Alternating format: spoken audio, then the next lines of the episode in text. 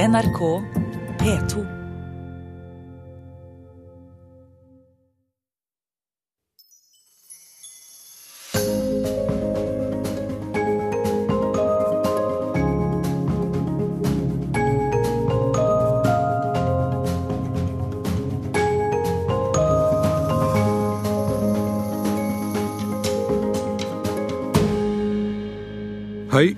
Jeg heter Per Edgar Kokkvold og har fått æren av å tilbringe en snau time sammen med deg i programmet Jul i P2.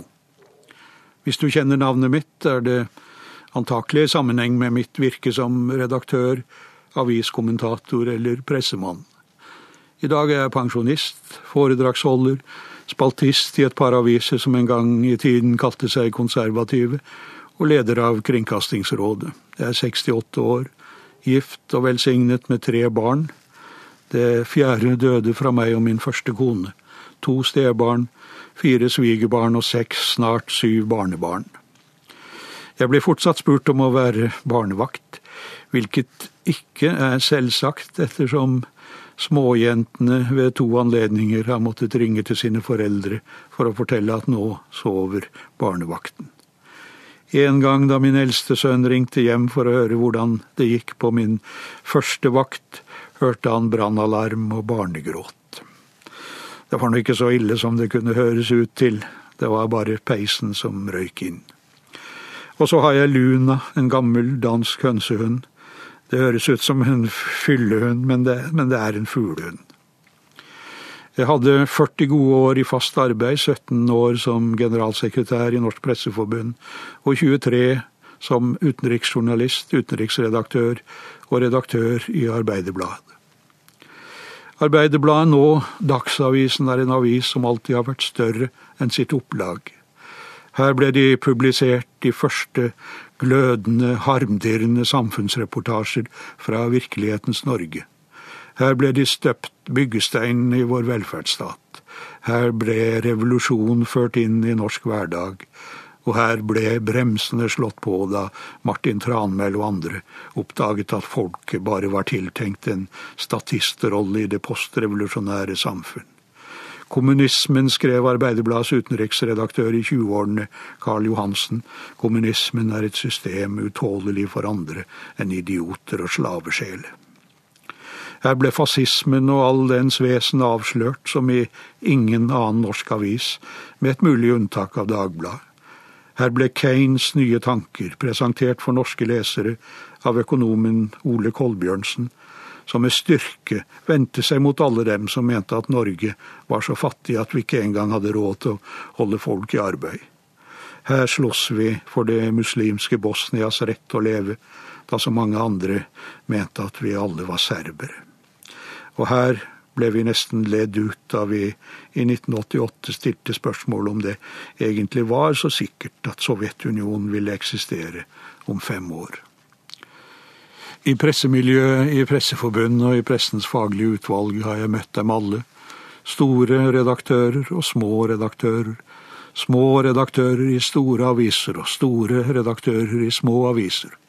De redaktører som kjente sin avis bedre enn sin ektefelle, og de som ikke visste mer enn sine lesere om hva som kom til å stå i morgendagens avis.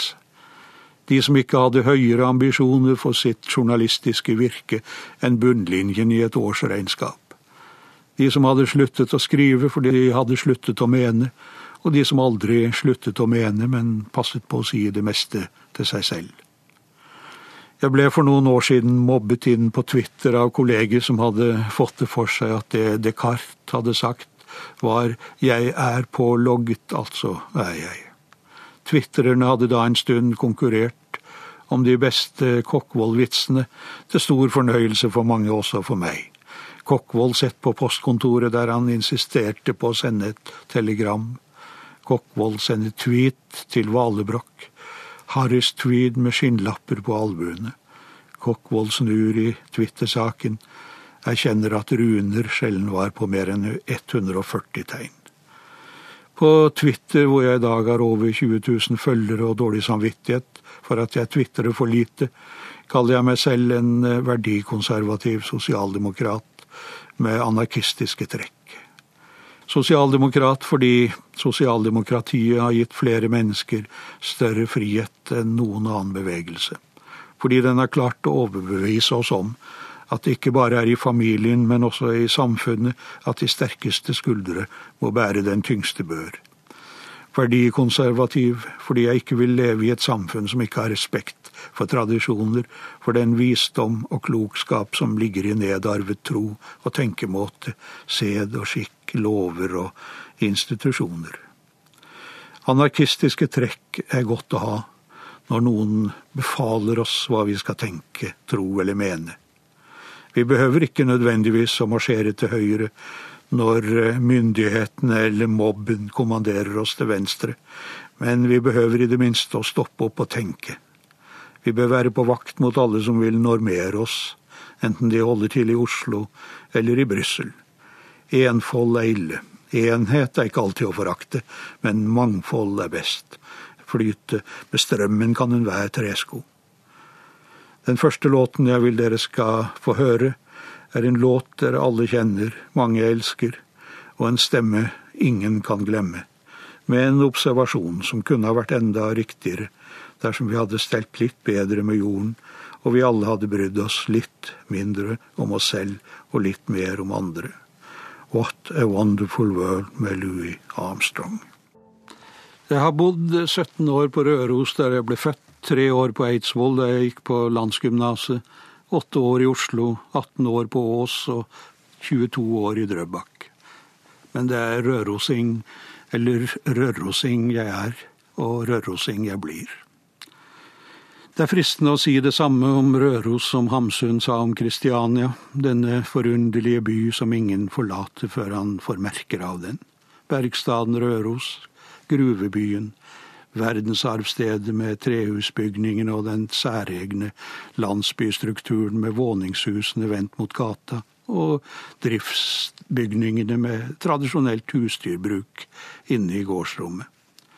Så sent som i 1950 var det ennå nesten 100 gårdsbruk i drift midt i byen, noe som også bidro til at man på Røros ikke fikk den vanlige motsetningen mellom arbeider og bønder, fordi folk var både arbeidere og bønder. Fra dette stedet har jeg nesten bare gode minner, og de få mindre gode er så lite vonde at jeg har problemer med å mane dem frem.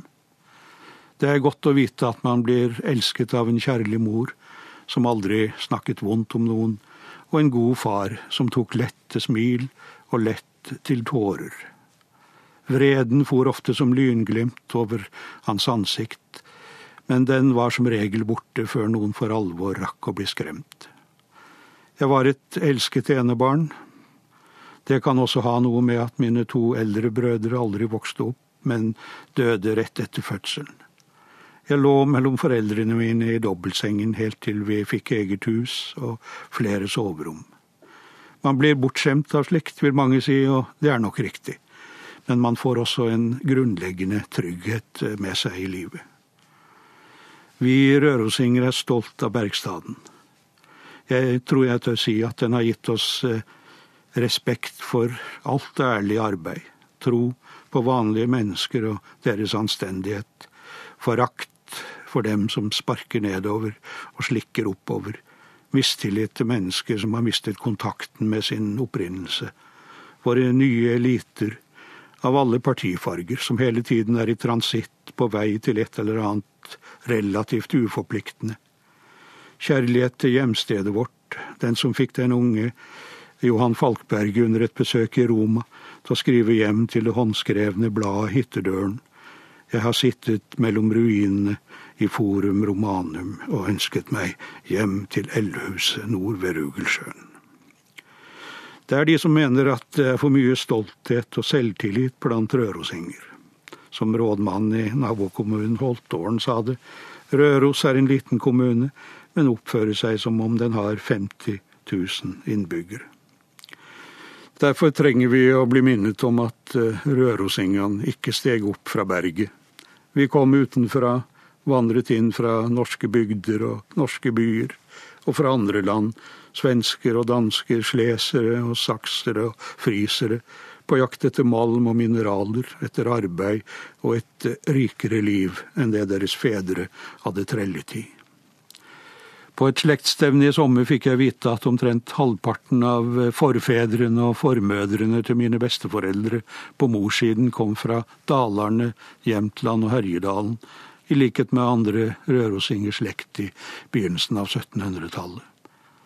Derfor vil jeg dere nå skal få høre ikke en Rørospols, men en hyllest til Jämtlands vakre hovedstad, Østersjøen, skrevet og sunget av Nick Borgen, nordmannen som har flyttet den andre veien, fra Norge til Sverige. Jeg er ingen personlig kristen. Upersonlig kristen, kanskje, men mange av mine fineste opplevelser er likevel knyttet til kirkebygg. Sjelden til prestens tale, noen ganger til ordene i evangeliene, men oftest byggverkets skjønnhet. Mine første kirkeminner er naturlig nok knyttet til Røros kirke, et av de største kirkebygg i Norge.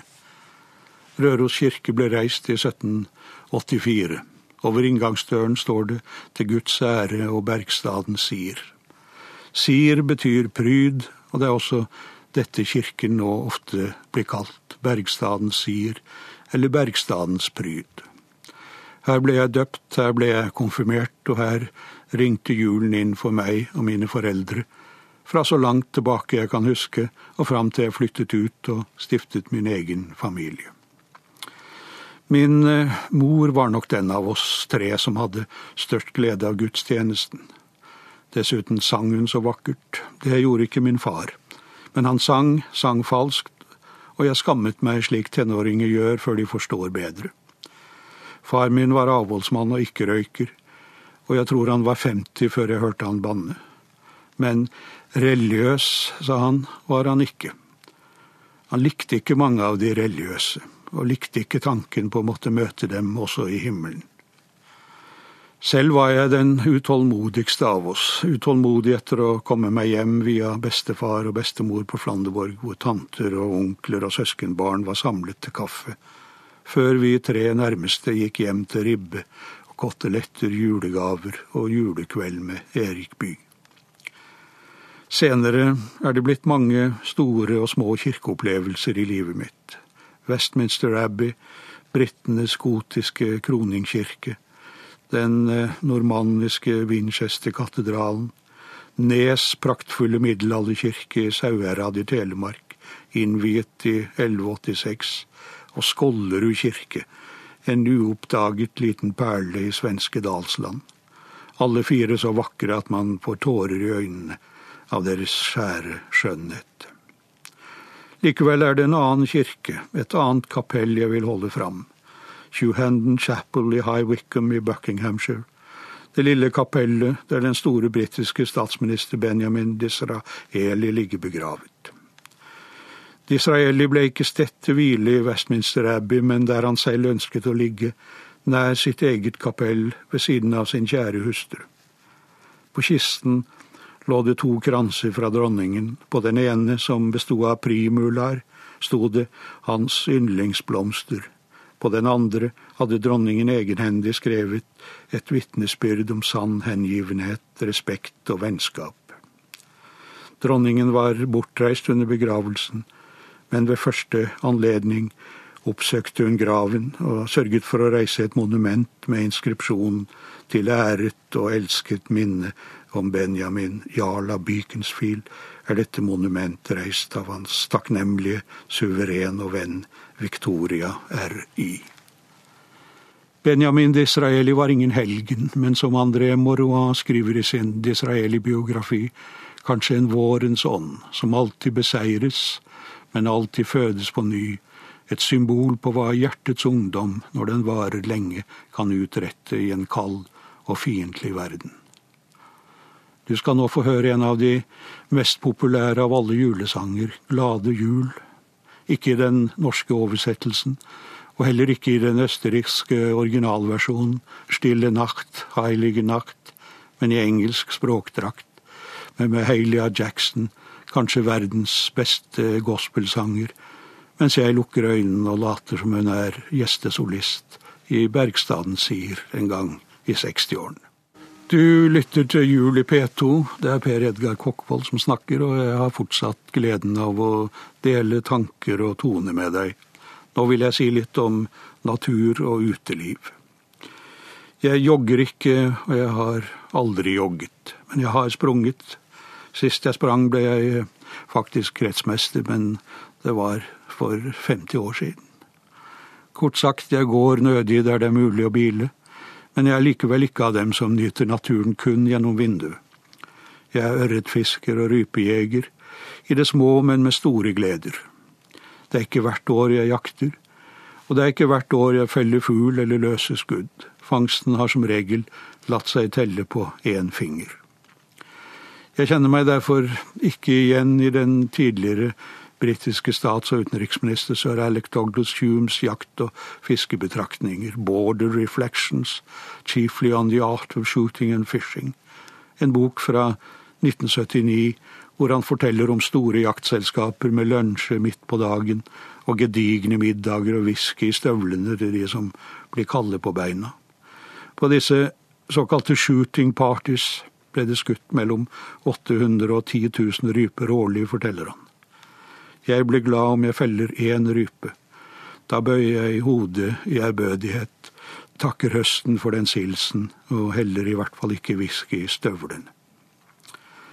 Om jeg ikke kjenner meg igjen i sir Alex' fortellinger om jegerlivet, kjenner jeg meg så absolutt igjen i George Orwells betraktninger fra livet som sportsfisker, den stille vandring langs lekne elver, eller hele dager under et piletre ved en stille kulp.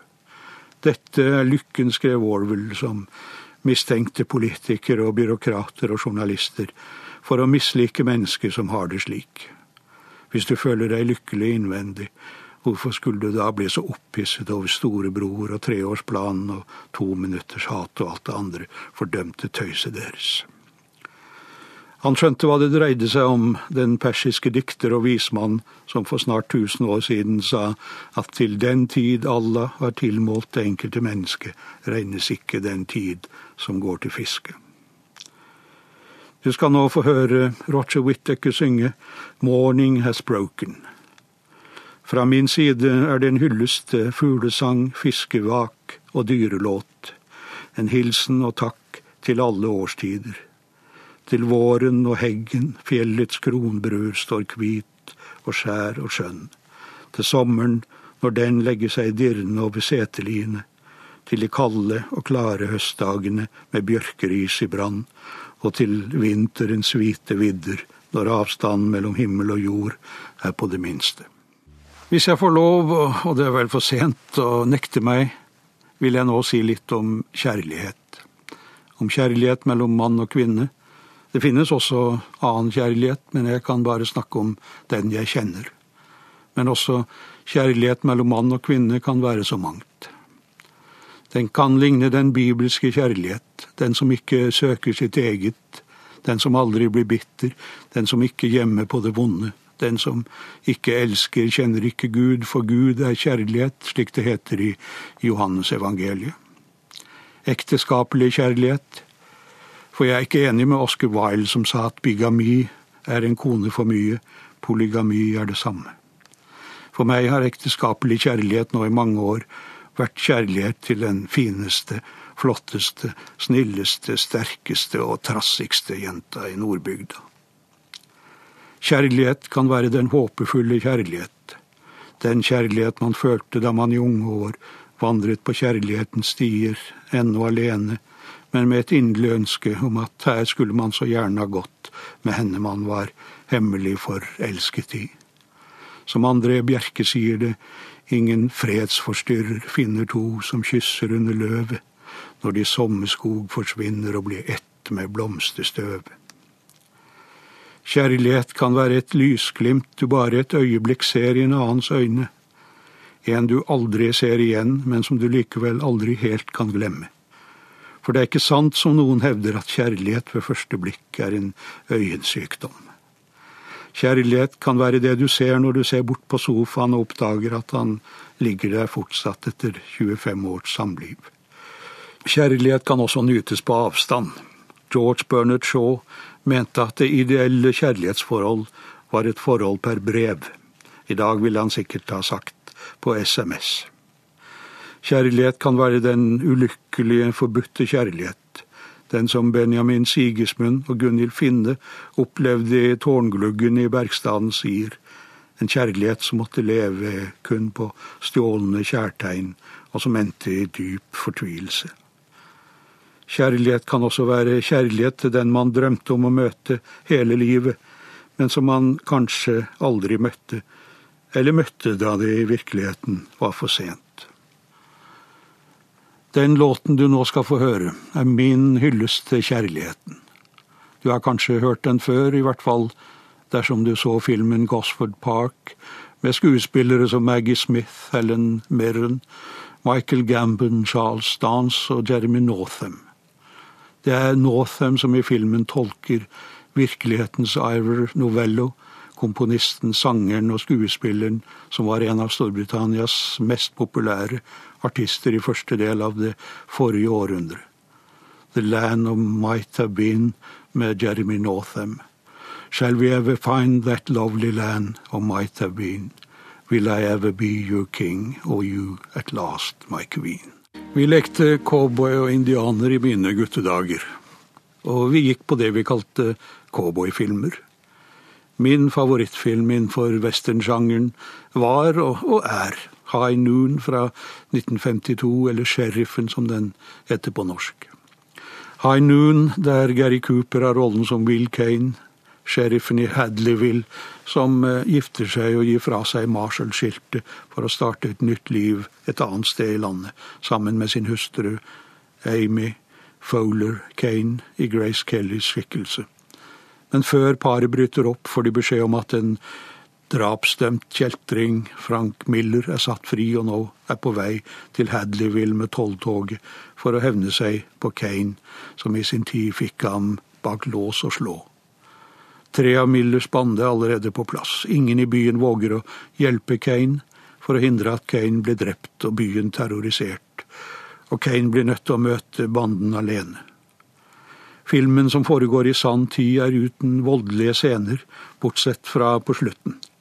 Spenningen er på det indre plan, og filmen en studie i de manges feighet og den enes mot.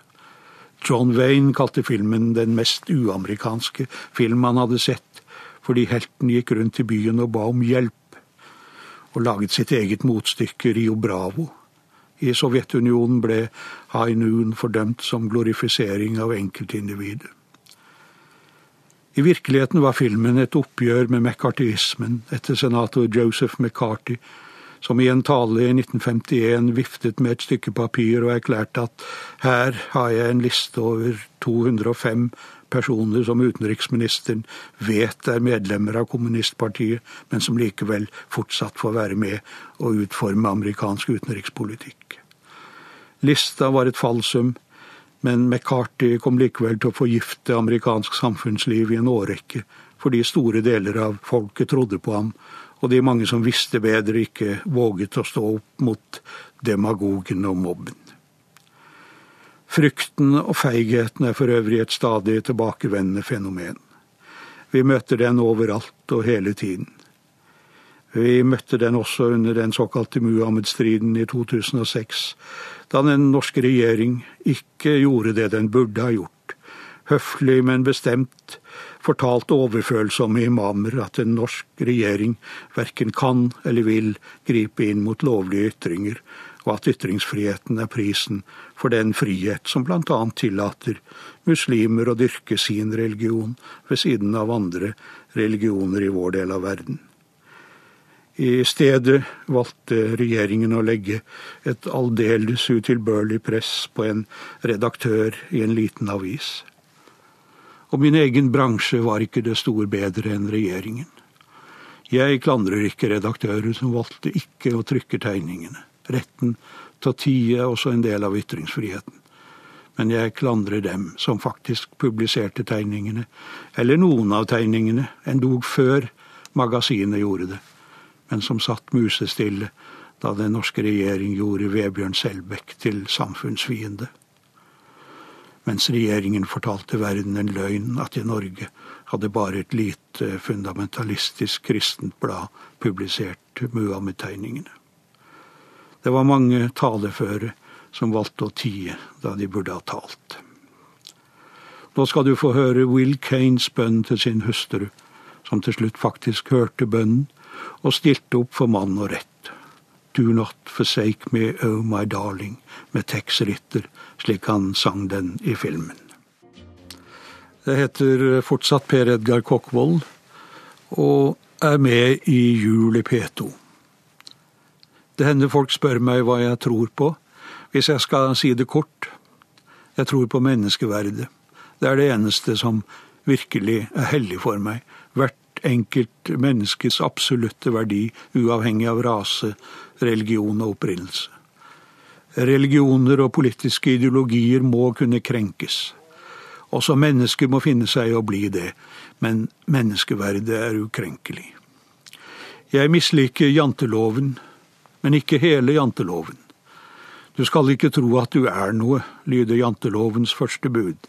Jo, du skal tro at du er noe. Du skal ikke innbille deg at du er bedre enn oss, heter det i det fjerde bud. Nei, du skal faktisk ikke innbille deg at du er mer verdt enn andre.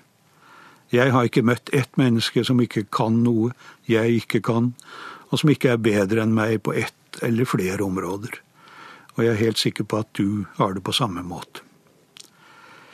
Derfor tror jeg på det egalitære samfunn, der det ikke er for store materielle forskjeller på folk, der man lønnes etter innsats, og der politiske ledere aldri glemmer at de er folkets tjenere. Ikke nødvendigvis folkets trofaste tjenere, men i hvert fall aldri folkets herrer. Jeg syns det var fint det jeg opplevde en gang i 60-årene, å se tre nordiske statsministre vente på Sinsentrikken i regnværet. Jeg liker ikke systemer der politikken sakte, men sikkert abdiserer til fordel for teknikken, der nasjonal lovgivning underkastes lovgivning som verken treffes eller kontrolleres demokratisk, og der folkene etter hvert mister det største privilegium et folk kan ha, å være styrt av sine tjenere. Jeg tillater meg å tro at det er forskjell på rett og galt, på godt og ondt, på sannhet og løgn og ingen verdinihilist skal noen gang få meg på andre tanker. Moderasjon er nesten alltid en dyd. Ekstremisme er nesten alltid et onde. Men det er noe som aldri kan gjøres til gjenstand for kompromisser. Retten til å tenke og uttrykke sine tanker. Men jeg nekter å tro at alle ytringer og alle idéretninger er like verdifulle det er forskjell på de som hyller livet og de som har døden som sin livsanskuelse. Vi må ikke bli redd for å si at vi vil ha demokrati, ikke teokrati. Og vi må våge å si til dem som vil ha sharialover i Norge, at de kanskje bør finne seg andre misjonsmarker. For meg er det et tankekors at i Pakistan myrdes de to eneste ledende politikere som ville endre landets eh, blasfemilovgivning, den som gir dødsstraff til de som konverterer fra islam til kristendom. Flere moskeer nektet sine medlemmer å delta i bønn for de drepte, og drapsmenn ble hyllet over store deler av Pakistan mens vi i Norge er opprørt når regjeringen vil endre navnet på faget religion, livssyn og etikk, RLE, til kristendom, religion, livssyn og etikk, KRLE. Derfor avslutter jeg denne timen med en ord fra Predos tale i Pascal Merciers bok 'Nattog til Lisboa'. Jeg ønsker ikke å leve i en verden uten katedraler. Jeg trenger skinnet i vinduene deres, den kjølige stillheten, den bydende tausheten. Jeg trenger ordenes hellighet, opphøyetheten i stor poesi.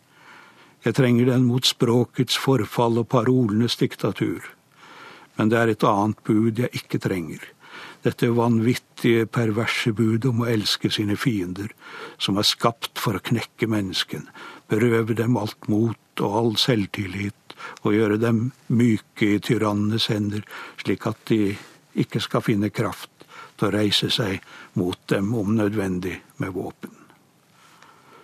Da er timen min over. Jeg sier takk for meg og god jul til dere alle.